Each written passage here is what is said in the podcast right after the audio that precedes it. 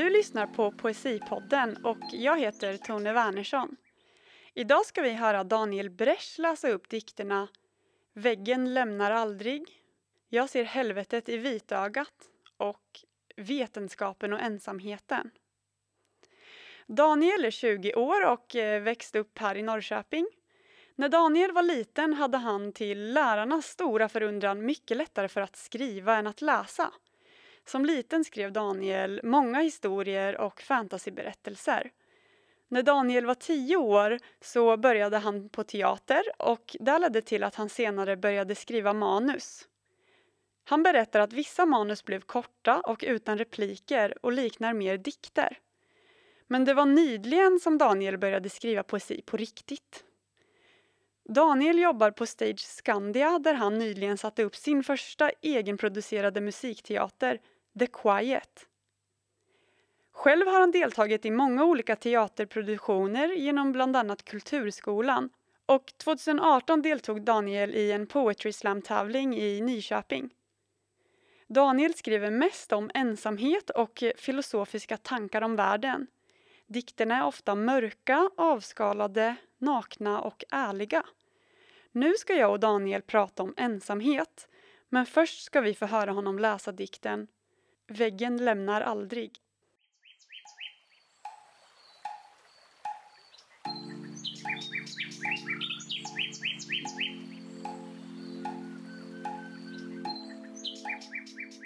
Lindrar kärlek smärta, hittar Tinder kärlek.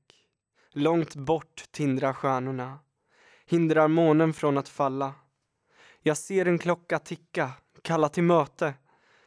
Alla jag möter vill någonstans. Alla jag känner är på väg nåt. Långt bort åt olika håll. Tiden rinner som sanden ur min hand på stranden. Där talade vi, du och jag. Jag hade din uppmärksamhet. Du log mot mig. Men redan då visste jag att jag lånade din tid. Ditt val. Tänk att varje ansikte vänds ut och in så fort tid kommer på tal. Du väntade här en hel natt på att jag skulle komma hem en gång. Och jag ser skillnaden nu från då. Din blick var full av närvaro. Vi tog tiden ihop. Nu glider vi isär. Varför? På grund av rädsla och en hård kamp bort från misär. När, där, då vi väntade in varje morgon, en morgon efter varje natt utan väntan, en dag efter varje morgon utan längtan. Vi tar isär varandra och lägger bitarna i fina högar, kakor i fina lådor. Jag är stark. Jag är rädd. För inget stoppar klockan. Inte lagen. Saken är den att inspirationen dör tre gånger om dagen och jag finner mig själv stirra in i en vägg. Och tårarna rinner när jag inser att väggen är det enda som inte lämnar mig. Väggen är det enda som inte lämnar mig.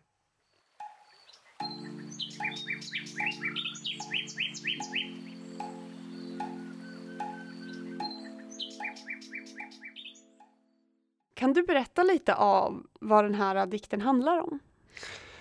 Ja, den här dikten är ju mycket baserad på gånger du har mått dåligt så att säga. Så det är mycket mina egna tankar. Eh, det, det, är mycket, mycket mörker så och har mycket att göra med eh, depression. Och det berör ganska tydligt liksom de ämnena eh, och eh, jag tror det är ganska lätt att relatera till. så det är lite en avbildning också av hur, hur tankarna kan sväva iväg. Så det, det är inte bara i ordform liksom eh, exakt en berättelse och så, utan det, det är mer också så här kan tankarna flyta. Det här är de liksom filosofiska grejerna som kan gå igenom ett huvud, ett mindset som inte mår så bra. Brukar du kunna prata öppet om hur du mår och eh, att du känner dig ensam även inom din sociala krets eller är det oftast bara när du skriver som du vågar prata om det här? Alltså jag tror jag har lite fördel i att jag har omringat mig i en krets som är väldigt öppensinnad, en teaterkrets då. För att på scenen och eh, individer som jag ofta upplever eh, eller väljer estetiska linjer och framförallt teater har ofta någonting med sig i bagaget. Har ofta någon, någonting som gör att den personen kanske egentligen inte alltid har mått så bra. Som gör att den personen behöver, kanske måste få ut det på något sätt, antingen på scenen och då är man ju i en roll. Så då kan man ju liksom täcka upp det med att vi skådespelar, vi utforskar liksom hur människor mår, hur människor agerar. Eh, men det blir på något sätt lättare i en sån sfär att eh, tala ut om problem och tala, tala klarspråk om hur man faktiskt mår. Känner du som man eh, att det kan vara svårare att prata om det här? Eh, för att eh, oftast så kan det ju vara så eh, att män inte pratar lika öppet om hur de mår. Ja, absolut. Eh, jag tror det svåraste om man tänker så utifrån ett genusperspektiv, det är väl för killar då att vem ska man vända sig till och vem ska man prata med? Eh, till exempel har jag en, en eh, före detta bästa kompis som jag fortfarande är väldigt bra kompis med, som jag inte tänker nämna namn på, men som mådde väldigt dåligt, en kille. Och eh, i hans fall så var det väldigt svårt att veta vem man skulle vända sig till för han ville inte gå och prata med psykolog. För att han hade, mådde dåligt men han hade samtidigt den här bilden av att personer som mår dåligt eh, och går och pratar till, med psykologer är svaga. Så att han var fientlig mot sig själv och jag tror många killar och många män är kanske lite så här förstår inte själva men de är självfientliga för att de vågar inte berätta om att hej nu är det inte så bra för mig, jag mår inte bra, jag är på väg att liksom gå in i väggen. Killar tar ut sånt på annat sätt. Mm. Aggressioner och Varför tror du att det är så? Ja men det är väl, eh, det är väl eh, samhällskultur och liksom det, det, det är väl machokulturen. Alltså det, jag tror definitivt det är, det är en grej liksom. Tror du att sociala medier och att alltid ha en inblick i vad alla andra gör kan få oss att känna oss mer ensamma? Definitivt, för att du kan ju när som helst gå in på sociala medier och se att dina kompisar på olika håll umgås med andra personer och eh, det är väldigt lätt att man bygger upp en sån här bild av att världen på något sätt rullar vidare utan en. Att andra personer får saker, åker utomlands när, oftare än vad jag kan och andra personer eh, har mycket mer eh, vänner, är mycket mer populära, får mer likes på Instagram och sånt där psykar ju både killar, tjejer och all, allihopa som är eh, sociala eller ute på sociala medier. Så definitivt, definitivt tror jag det. Alltså jag tror det är viktigare att skilja på det genuina och det här som folk faktiskt på något sätt fått in på struktur att lägga upp, ja ah, nu har jag det bra, oj, då måste jag lägga upp det för att alla måste veta. Det, det kan, det hänger helt och hållet på självkänsla Mm. också. Hur du liksom, eh, om du jämför dig själv med andra, då, då kan du väldigt lätt hitta saker att må dåligt över.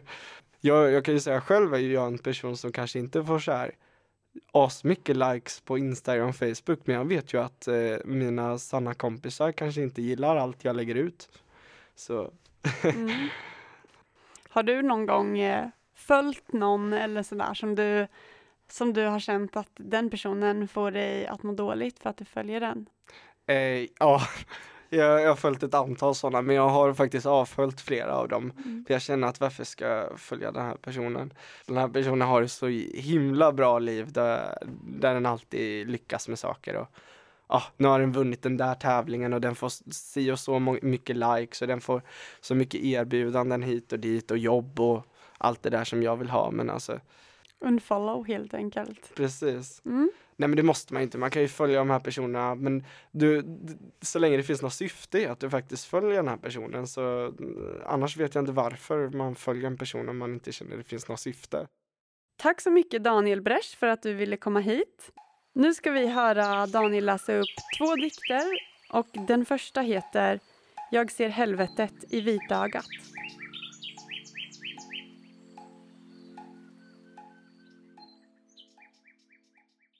Jag ser helvetet i vitögat. Sanningen stirrar in i min själ och allt falskt skvaller finner inga ord när domen faller och jag står där stilla, tomt inriktad i min egna bubbla. Alltid ett monopolspel med viktiga personer som kräver det dubbla. En ordning utan balans som aldrig gått att rubba. Därför går mitt budskap ut till den generation som lärt att alltid sucka och ducka. Lova min själ att alltid hugga mig framifrån så du åtminstone ser den du hugger i ögonen. För jag har alltid varit den som stirrar ner i marken för att undvika dessa ögon. Alla blickar bränns och vill komma in. De vill ta mig som en trasa och vrida min värdighet ut och in. De vill ha pengar för ingenting och klaga på allt de inte fattar med vår stad, din och min. Staden som alltid sover med ett öga öppet för att spana på kidsen utan framtid. Staden som slår ner de svaga, som vågar ta initiativ till ett värdigt liv. Stopp! Jag spolar tillbaka min film till dagen då två framtidslösa individer talade med varandra. Ingen av dem visste vart de sedan skulle hamna. Den ena blev klassad som svag redan innan hon hann falla. Hon skämdes så, sa fuck my life, tog en cigg och lät de gamla vanorna svepa över henne. Den andra var jag, oförmögen att hjälpa till. För rädd för att ta initiativ. Därefter försvann lyckan ur hennes blick och mina ögon förblev bundna till marken och husen till trakten. Vi båda tappade makten i framtidsjakten. Nu säger jag, herr bankdirektör, behåll dina hotell.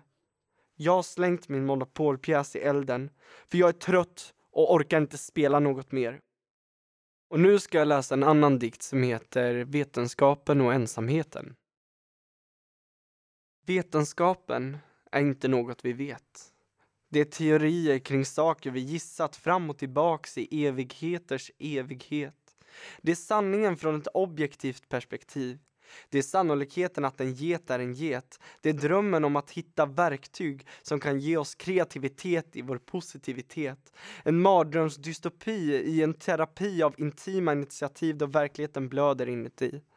Vetenskapen ser alltid mellan fingrarna när pengar står på spel. En hel del människor förstår inte varför den finns på mobil. Varför en 30-årig gammal pedofil kan hitta en 14-årig instabil flicka. Vad säger då vetenskapen om ensamhet? Medan vi lever andas luft i vår tunga verklighet och en och annan ensam själ bär något ingen annan vet. Kanske förblir det alltid en försvunnen hemlighet.